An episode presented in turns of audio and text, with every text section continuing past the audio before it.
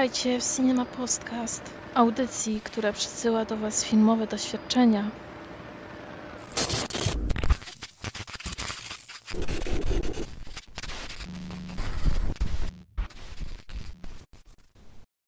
Witajcie w kolejnym odcinku Cinema Podcastu.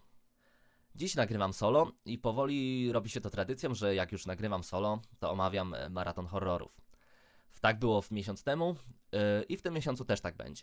Będę omawiał maraton yy, multikina, nazwany, nazwany Alty Walentynki. Prawdopodobnie w jakichś tam ramach bycia alternatywą dla 50 twarzy Greya, które teraz rządzą po walentynkach w kinach. Natomiast yy, 50 twarzy Greya, jako że jest przynajmniej, przynajmniej z założenia melodramatem, no tutaj mamy do czynienia z, to tutaj mamy do czynienia z maratonem filmów grozy. Czymś, co przyjęło się przynajmniej, że jest jakimś tam odwrotnością, odwrotnością wrażliwości melodramatów. Jeśli chodzi o maraton multikina, to ja na początek, zanim w ogóle zacznę, zacznę omawiać filmy, które znalazły się na tym maratonie, to podkreślę, że ja nie omówię wszystkich filmów. E, na tym maratonie były dwa filmy, które już widziałem wcześniej. Widziałem je jeden na pięciu smakach, drugi widziałem na poprzednim maratonie, czyli już macie go omówionego. Skupię się na dwóch filmach, czyli e, premierowo na filmie Lekarstwo, Lekarstwo na życie Gory Werbińskiego i skupię się na filmie Lament, na filmie, który w ogóle przywiódł mnie na ten maraton. Natomiast e, pozostałe dwa filmy, które widziałem na tym maratonie, to Autopsja Jade Doe, czy, film, który już jak wspomniałem, obawiałem na, w poprzednim podcaście solowym. A drugim filmem jest Zombie Express. Zombie Express, a popularnie, popularnie po prostu znany wśród fanów grozy jako Train to Busan, ponieważ no Zombie Express brzmi tandetnie. Oba te filmy pokrótce, pokrótce y, omówię też y, za chwilę w charakterze tego, jak sprawdzają się, chociażby sprawdzają się jako powtórki, jak cię się ogląda je drugi raz. Natomiast y, od czego chcę zacząć? Chcę zacząć od specyfiki tych maratonów, specyfiki maratonów multikina, które różnią się od specyfiki maratonów Heliosa. Nie mam pojęcia, jak wyglądają maratony Cinema City, bo to też, to też by mi może rzuciło sprawę, rzuciło trochę światło na sytuację. Natomiast no, u siebie w mieście, w Rzeszowie, Mam, mam generalnie dwa multiplexy. Dwa multiplexy w, i to jest Helios i to jest Multikino. Odnoszę wrażenie, że zawsze, zawsze jak pójdę na maraton do Multikina, to jednak czuję się, czuję się gorzej. Multikinie świetnie ogląda się koncerty, puszczane z, z Blu-raya. Teraz wybieram się na Rammstein e, w Paryżu. Ale maratony, maratony filmów grozy to jest, e, to jest okropność, jeśli chodzi o multikino. Chociaż mają fajny repertuar. E, bo, e, chociaż różni ich to od Heliosa, że Helios ma premierówki, co bardziej cenię. Natomiast jeśli chodzi o zachowanie publiczności, nie wiem o co chodzi, nie wiem czy jest jakieś inne powietrze w okolicy Multikina, czy jakaś inna dzielnica. W każdym razie te osoby, które pojawiają się na maratonach Multikina, to jest, to jest gorzej niż bydło. Zresztą nie wiem, czemu obrażam teraz bydło. To jest młodzież, która częstokroć pijana w tym momencie, te, teraz nie zauważyłem, żeby była za bardzo pijana, natomiast kultury nie miała żadnej. E, przez cały ten maraton musiałem wysłuchiwać jakichś tekstów lecących w stronę ekranu, musiałem widzieć, jak połowa publiczności siedzi na iPhone'ach, w ogóle nie ogląda filmów. E, to, są, to były osoby, które wcinały tony popcornu, które piły kolej, ja już nawet mi to nie przeszkadza, jeśli, jeśli nie siorbią, ale to, że rozmawiały, rozmawiały bardzo głośno, to naprawdę była olbrzymia przeszkoda. Czułem się po prostu okropnie. Ja poprosiłem dziewczęta, które, które siedziały obok mnie, żeby się troszkę, żeby troszkę były ciszej, ale to nie załatwiło problemu, że one, one były ciszej, bo z drugiego końca sali i tak było słychać cały czas jakieś głosy, jakieś krzyki. E, no po prostu okropnie, okropnie się czułem na tym maratonie i Multikino ma to do siebie. Ja już słyszałem nawet w, w innych miastach, nawet w innych, w innych podcastach, że osoby, które opisują tego, tego typu maratony, to one zawsze mówią, że w Multikinie jest troszkę gorzej niż w Heliosie, bo, bo młodzież przychodzi faktycznie jakaś, jakaś gorsza. Nie wiem, nie wiem o co chodzi, nie wiem co oni tam roz, rozpylają, ale no niestety, niestety, nie zaliczam tego seansu do, udanego, do udanych przynajmniej pod względem atmosfery, ponieważ no publiczność mnie zawiodła. Zawiodła i to nawet tak bardzo, że poczyniłem na tyle radykalny krok, że przeniosłem się, że na film Lament, na film, który najbardziej oczekiwałem, przeniosłem się do trzeciego rzędu. Ekran był wielgachny. Siedzenie w trzecim rzędzie oznaczało, że musiałbym, będę musiał, żeby śledzić akcję, ciągle obracać głową w, te, w, jedną stronę, w drugą stronę, tutaj czytać napisy, tam z, zwracać uwagę na to, co się dzieje z prawej strony ekranu, e, albo z, zwracać uwagę na to, co się dzieje z lewej strony ekranu. No, przyznam szczerze, szyja mnie bolała po takim oglądaniu, oglądaniu filmów w ten sposób, ale nie żałuję. Nie żałuję, że się przeniosłem do trzeciego rzędu, przynajmniej troszeczkę odciąłem się od tego tłumu, który siedział w tylnych rzędach i który cały czas komentował, cały, cały czas przeszkadzał. Ja mam nadzieję, że kiedyś to się poprawi, że kiedyś obsługa zacznie zwracać uwagę na, na to, jak się zachowują ludzie w kinie bo ja, no, no ja sam tego nie ogarnę, tak? Ja musiałbym si siąść e, w miejscu kinooperatora ze snajperką i patrzeć, gdzie jakiś iPhone się, iPhone się zaświeci na dłużej niż 10 sekund i strzelać w, tamty, w tamtym kierunku, bo w innym wypadku chyba nie naprawimy tej sytuacji. E, dlatego 100 razy bardziej wolę chodzić do Heliosa. Nie wiem dlaczego, w końcu chyba ta sama młodzież chodzi na te maratony, a jednak jakaś jest spokojniejsza, jednak jakaś e, jednak jest jakoś ciszej. Nie mówię po prostu na ostatnim maratonie, w którym byłem w styczniu, na tym poprzednim przed antywalentynkami, siedząc na sali z tymi wszystkimi ludźmi, ja jednak czułem, że jednostki przeszkadzają, a reszta ogląda. Tutaj miałem zupełnie odwrotnie. Tutaj e, zdałem sobie sprawę, że może 10 osób przyszło obejrzeć te filmy, może 10 osób było zainteresowane tym, co leci na ekranie. Cała reszta chciała sobie zrobić jakiś nocleg poza domem, wybrać się na imprezę, posiedzieć i porozmawiać sobie w fotelu kinowym. E, dobrze, sytuację podkreśliłem teraz, jeśli chodzi o repertuar. Jeśli chodzi o rozkład tego, co leciało na maratonie, to ja tutaj pochwalę Multikino, absolutnie. E, tutaj problemów żadnych nie będę, nie będę miał, e, bo tak, ja lubię w Heliosie te premierówki, te rzeczy, które oni puszczają e, spoza dystrybucji. Tutaj Multikino wzięło w rzeczy, tutaj Multikino wybrało filmy, które były w dystrybucji bądź, e, będą, bądź były premierowo, tak, jeśli chodzi o lekarstwo na życie. Natomiast wy, wy, wybrali też dwa filmy MyFly'a. Dwa filmy z dystrybucji My, MyFly'a, dwa filmy koreańskie. Coś, co się nie zdarza w Rzeszowie często, że tutaj omija się w Rzeszowie połowę azjatyckich premier. E, nie wiem czemu. Mnie to, mnie to martwi, dlatego wolę, dlatego lubię sobie uciec w listopadzie na pięć smaków i oglądać same rzeczy z Azji. No na, na Lament, jeśli ktoś chciał zobaczyć Lament w Rzeszowie, no to jedyną okazją było zobaczenie właśnie wśród dzikiej publiczności o czwartej nad ranem w Multikinie. E, no ja jestem bardzo wdzięczny, że dobrano tak do repertuaru te, te dzieła, bo to są porządne, to jest naprawdę porządne kino. E, natomiast dwa poprzednie filmy, no to Lekarstwo na życie, które omówię szerzej i Autopsja Jane Doe. Autopsja Jane Doe, e, film brytyjski, bądź co bądź, więc też, e, też rzecz, która, która nie leci zazwyczaj na maratonach. I e, w tym, tym razem Multikino dobrało same dobre filmy. To też należy docenić, bo czasami dobierają gnioty oparte na samych jumpscaresach i dajmy na to, że można, że lepiej przespać te dzieła niż, niż e, je oglądać dalej. Ja teraz wypowiem się szerzej o dwóch filmach, które, które już widziałem, a zaraz przejdziemy po prostu do, do klubu programu, do filmów e, Lekarstwo na życie, które chcę, chcę omówić szerzej, do filmu Lament, który bardzo chcę omówić, no bo to jest, to jest naprawdę rzecz, która awansowała bardzo szybko do najlepszych filmów, najlepszych premier poprzedniego roku. Szkoda, że nie, nie mogłem go zobaczyć tak szybko, ale warto było czekać i warto obejrzeć to na dużym ekranie. E, autopsja Jane Doe, którą oglądałem już drugi raz po miesiącu, e, moim zdaniem nie sprawdza się. Nie sprawdza się jako film, który można obejrzeć dwa razy. E, to jest film, który jest ciężkim horrorem. Ja już go opisywałem, jak, jak, jaki jest klimat w tym filmie. Natomiast gdy już wiemy wszystko, jak to się skończy, to później oglądanie drugi raz nie naświetla nam żadnych tropów, które miałyby wskazywać na to, na to inne zakończenie. I w zasadzie tylko czekamy na kolejne triki, triki e, techniczne, które w tym filmie, w tym filmie e, jest ich pełno, no. Ja chwaliłem ten film, ale drugi raz oglądając go nudziłem się. Ja bardzo chciałbym nawet go przespać, e, szczerze mówiąc, bo już go, już go oglądałem miesiąc temu, więc ja wiedziałem dokładnie, jak się wszystko potoczy. No niestety, było za głośno w kinie, żebym mógł spać. Oglądając go drugi raz, ja nadal uważam, że to jest niezłe kino warte, warte zobaczenia, ale tylko i wyłącznie raz. Poza tym, jeśli drugi raz po niego sięgniemy, to już zauważymy tylko jego wady.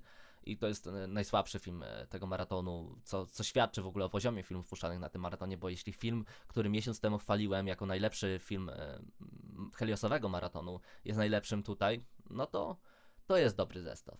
Jeśli chodzi o Train to Busan, jest zupełnie inaczej. Ja ten film dalej oceniam jako patetyczny, taki kiczowaty, taki film, w którym naprawdę znajdziecie taką tonę patosu, że, że możecie, będziecie w stanie się tylko już śmiać pod, pod sam koniec. Ale on się sprawdza jako kino rozrywkowe, sprawdza się świetnie. Ma tak impet, tak e, mocno, a, mocno absorbuje widza ak- akcją i w ogóle tak bardzo fajnie wykorzystuje ten motyw, że można w ciasnej klaustrofobicznej scenerii, czyli w pociągu, zrobić rozgrywkę między ludźmi, a między zombie i to cały czas nie traci napięcia. To jest, e, to jest naprawdę siła tego filmu. Ogląda się go świetnie drugi raz. E, To jest akurat film, który warto, warto sobie powtarzać. Ja myślę, że nawet widz, który nie lubi horrorów, może spokojnie po niego sięgnąć i będzie się dobrze bawił. I teraz przechodzimy do dwóch filmów, którym chciałem się przyjrzeć szerzej. Do Lekarstwa na życie do Lamentu. Lekarstwo na życie jest e, czymś w sumie, na co bardzo chciałem iść już przez sam wzgląd na to, że to jest chyba taki jedyny, taki stricte mainstreamowy, taki e, w zasadzie efektowny horror ostatnich lat, który, który nakręcili Amerykanie, bo też e, musimy sobie zdać z tego sprawę. To ostatnio horrory, jeśli chodzi o Amerykanów, albo oni wypuszczają sandesowe produkcje, e, które, które zresztą bardzo zawsze mi się podobają, albo wypuszczają do polskich kin takie produkcje, które już e, w ogóle nie zwracają uwagi na, na właśnie jakiś rozmach, na jakieś wielkie aktorstwo. Nie. E, Oni pusz- wypuszczają takie produkcje, które mają masę jumpscaresów i to jest ich produkt eksportowy.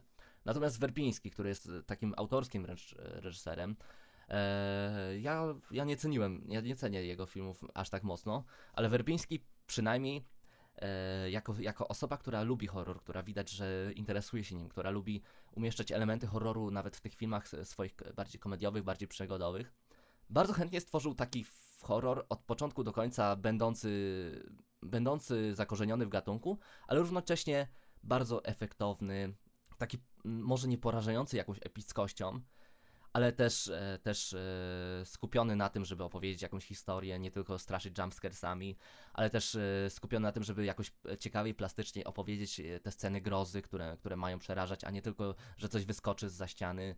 E, zrobiony tak, żeby postaci były jakieś pełnokrwiste, jakieś, miały jakąś swoją historię, e, żeby to wszystko nadal nie było jakimś może głębokim filmem, ale było rzeczą, e, która jest bliska, bliska kinu mainstreamowemu, które teraz, prze, teraz zostało bardzo mocno zapełnione przez filmy superbohaterskie, które przez filmy science fiction, a bardzo mocno wyparł horror jako, jako gatunek. No i Werbiński, Werbiński postarał się, żeby stworzyć taki film i moim zdaniem mu się to udało.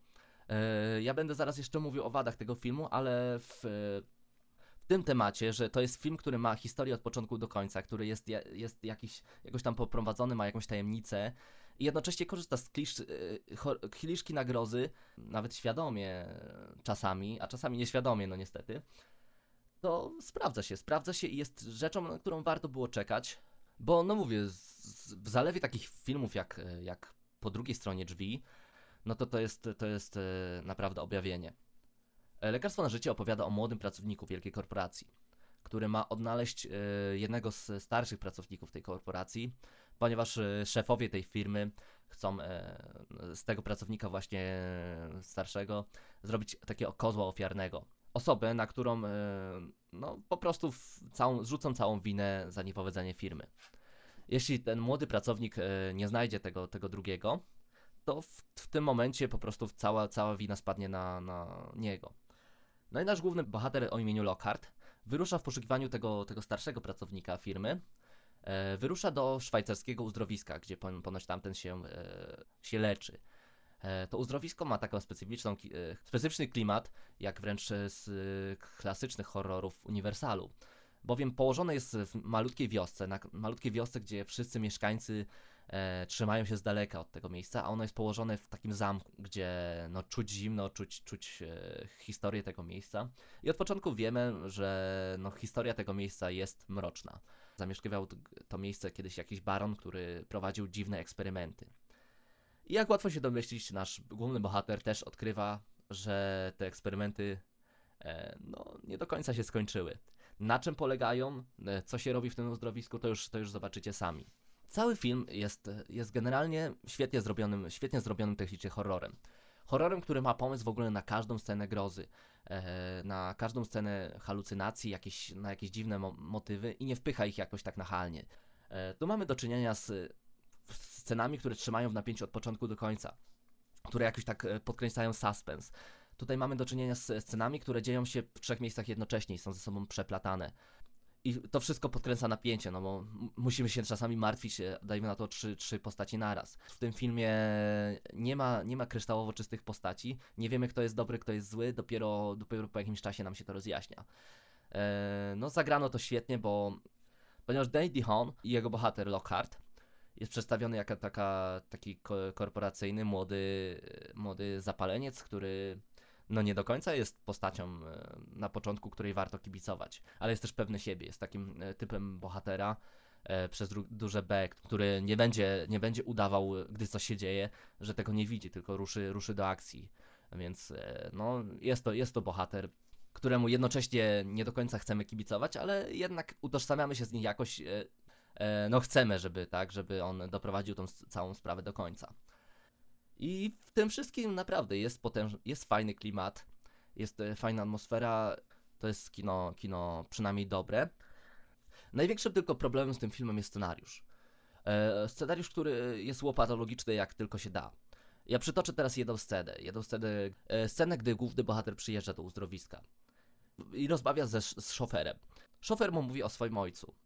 E, I kończy, kończy tą rozmowę pytaniem, że tacy ojcowie powinni być, prawda? Na co główny bohater odpowiada nie wiem. I tu już mamy sugestywnie, sugestywnie podkreślone, że główny bohater wychował się bez ojca. Ale i tak reżyser, reżyser na tym nie woli poprzestać, woli dopowiedzieć widzowi i główny bohater od razu odpowiada wychowałem się bez ojca. Potem mamy przebitkę. E, przebitkę z wspomnień bohatera o ojcu, gdzie widzimy jak ojciec zatrzymuje się na moście w deszczową pogodę i podchodzi do balustrady. I naprawdę, ja prawdopodobnie spoileruję teraz, ale jeśli ktoś się nie domyślił, że ojciec głównego bohatera popełnił samobójstwo skacząc z mostu w tym momencie, to ja, ja mu stawiam piwo. W tym filmie sugestie są tak łatwe do odczytania, że nie potrzeba ich dopowiadać. A jednak reżyser zawsze woli dopowiedzieć. Tutaj jest mnóstwo takich właśnie scen, które tłumaczą coś, co w sugestiach już zostało zawarte. I okej, okay, ja rozumiem szacunek dla mniej uważnych widzów, ale no bez przesady, no jeśli już operujemy tutaj czasami surrealizmem, to też możemy czasami e, postawić na subtelność, a nie mówienie wszystkiego wprost. I tutaj, i tutaj scenariusz niestety jest e, z czasem, z czasem coraz bardziej widzimy jego dziury. Im bliżej końca, tym naprawdę gorzej.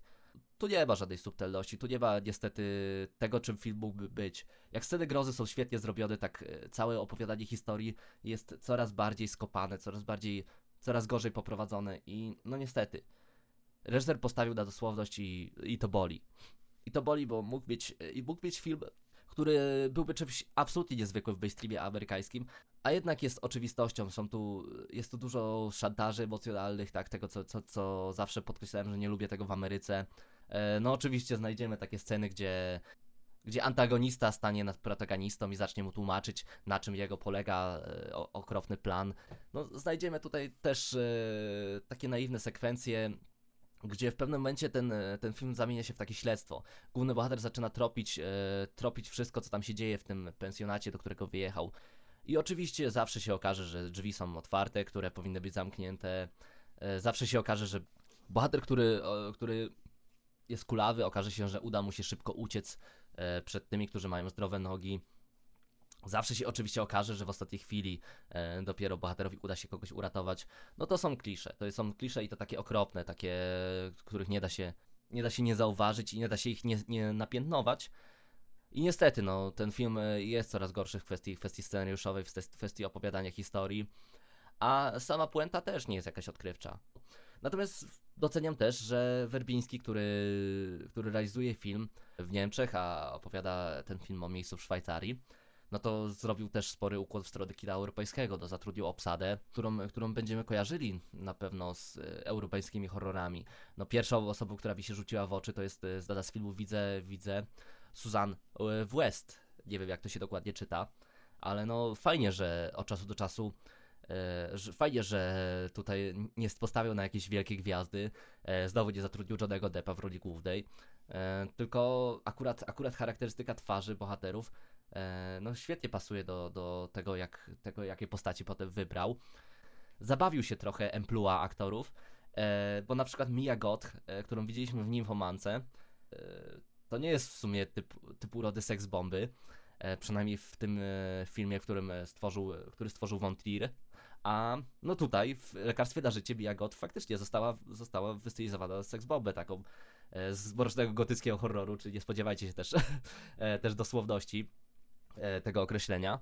Ale no, dobór obsadowy trafiony w, y, w dziesiątkę.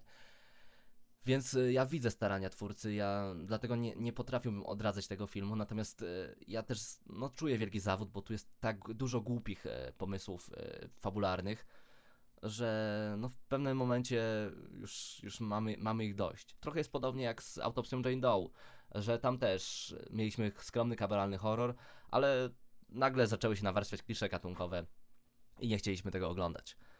No lekarstwo na życie polecam, to jest, to jest, yy, tu już nie mam problemu z wystawieniem oceny, to jest 6 na 10 i to jest film niezły. To jest film, który każdy fan horroru na pewno powinien zobaczyć, bo czegoś takiego w mainstreamowym kinie dawno nie widziałem.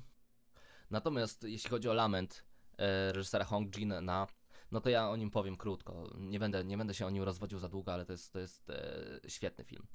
To jest coś, coś, czego dawno nie widziałem na, na ekranach. To jest coś, co idealnie odzorowuje azjatycką wrażliwość. E, czyli wrażliwość e, utkaną, utkaną z wszystkiego, co tylko można tam wcisnąć, a jednocześnie współgra to ze sobą. To jest horror, to jest e, thriller kryminalny, to jest jednocześnie czarna komedia, a jednocześnie naprawdę jakiś ambitny dramat. To jest film, który zawiera symbole, które, któ- który ma mnóstwo warstw, po których się porusza. To jest dzieło tak, tak warte interpretowania, dyskutowania o nim. E, to jest e, rzecz naprawdę wyjątkowa. Ja w ogóle żałuję, że dopiero teraz trafiłem na kino Hong Jina.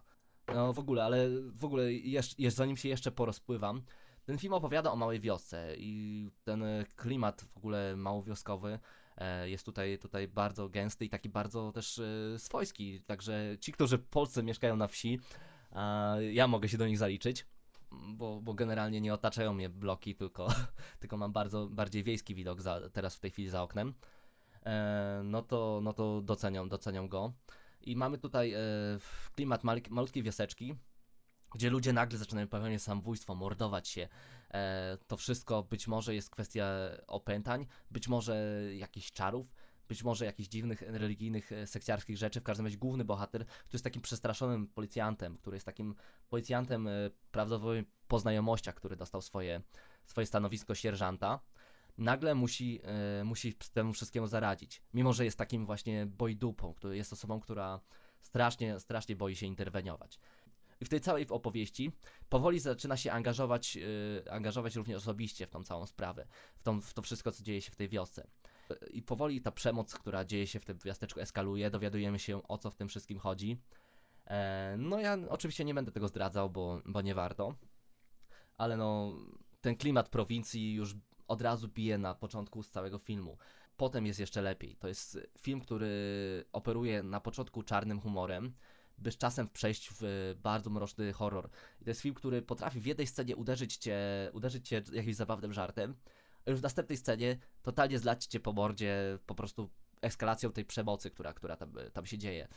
Bo w ogóle w tym filmie trudno znaleźć chociaż jedną scenę, która nie kończyłaby się jakimś tam właśnie brutalnym, brutalnym mordem, czy jakąś, jakąś walką.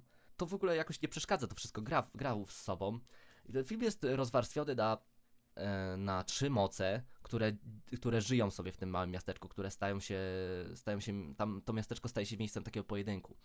I operują trzy, trzema mocami, które są równe sobie, co jest też e, niesamowite i w żadnym innym filmie nie widziałem właśnie tego, żeby religia, magia i przemoc były równie skuteczne i tutaj można nimi robić zarówno dobre rzeczy, jak i ro robić złe rzeczy.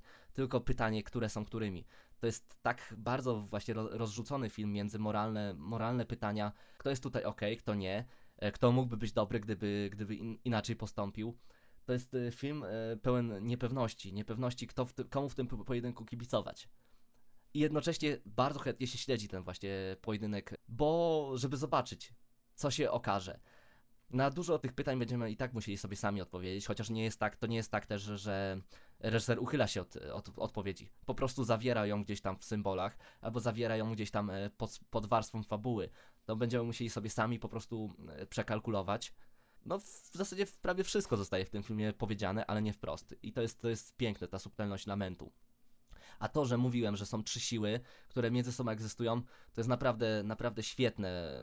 Pokazać te trzy siły jakoś równocześnie, to też po prostu było, było jest dla mnie nowością. To jest e, coś, coś niekonwencjonalnego.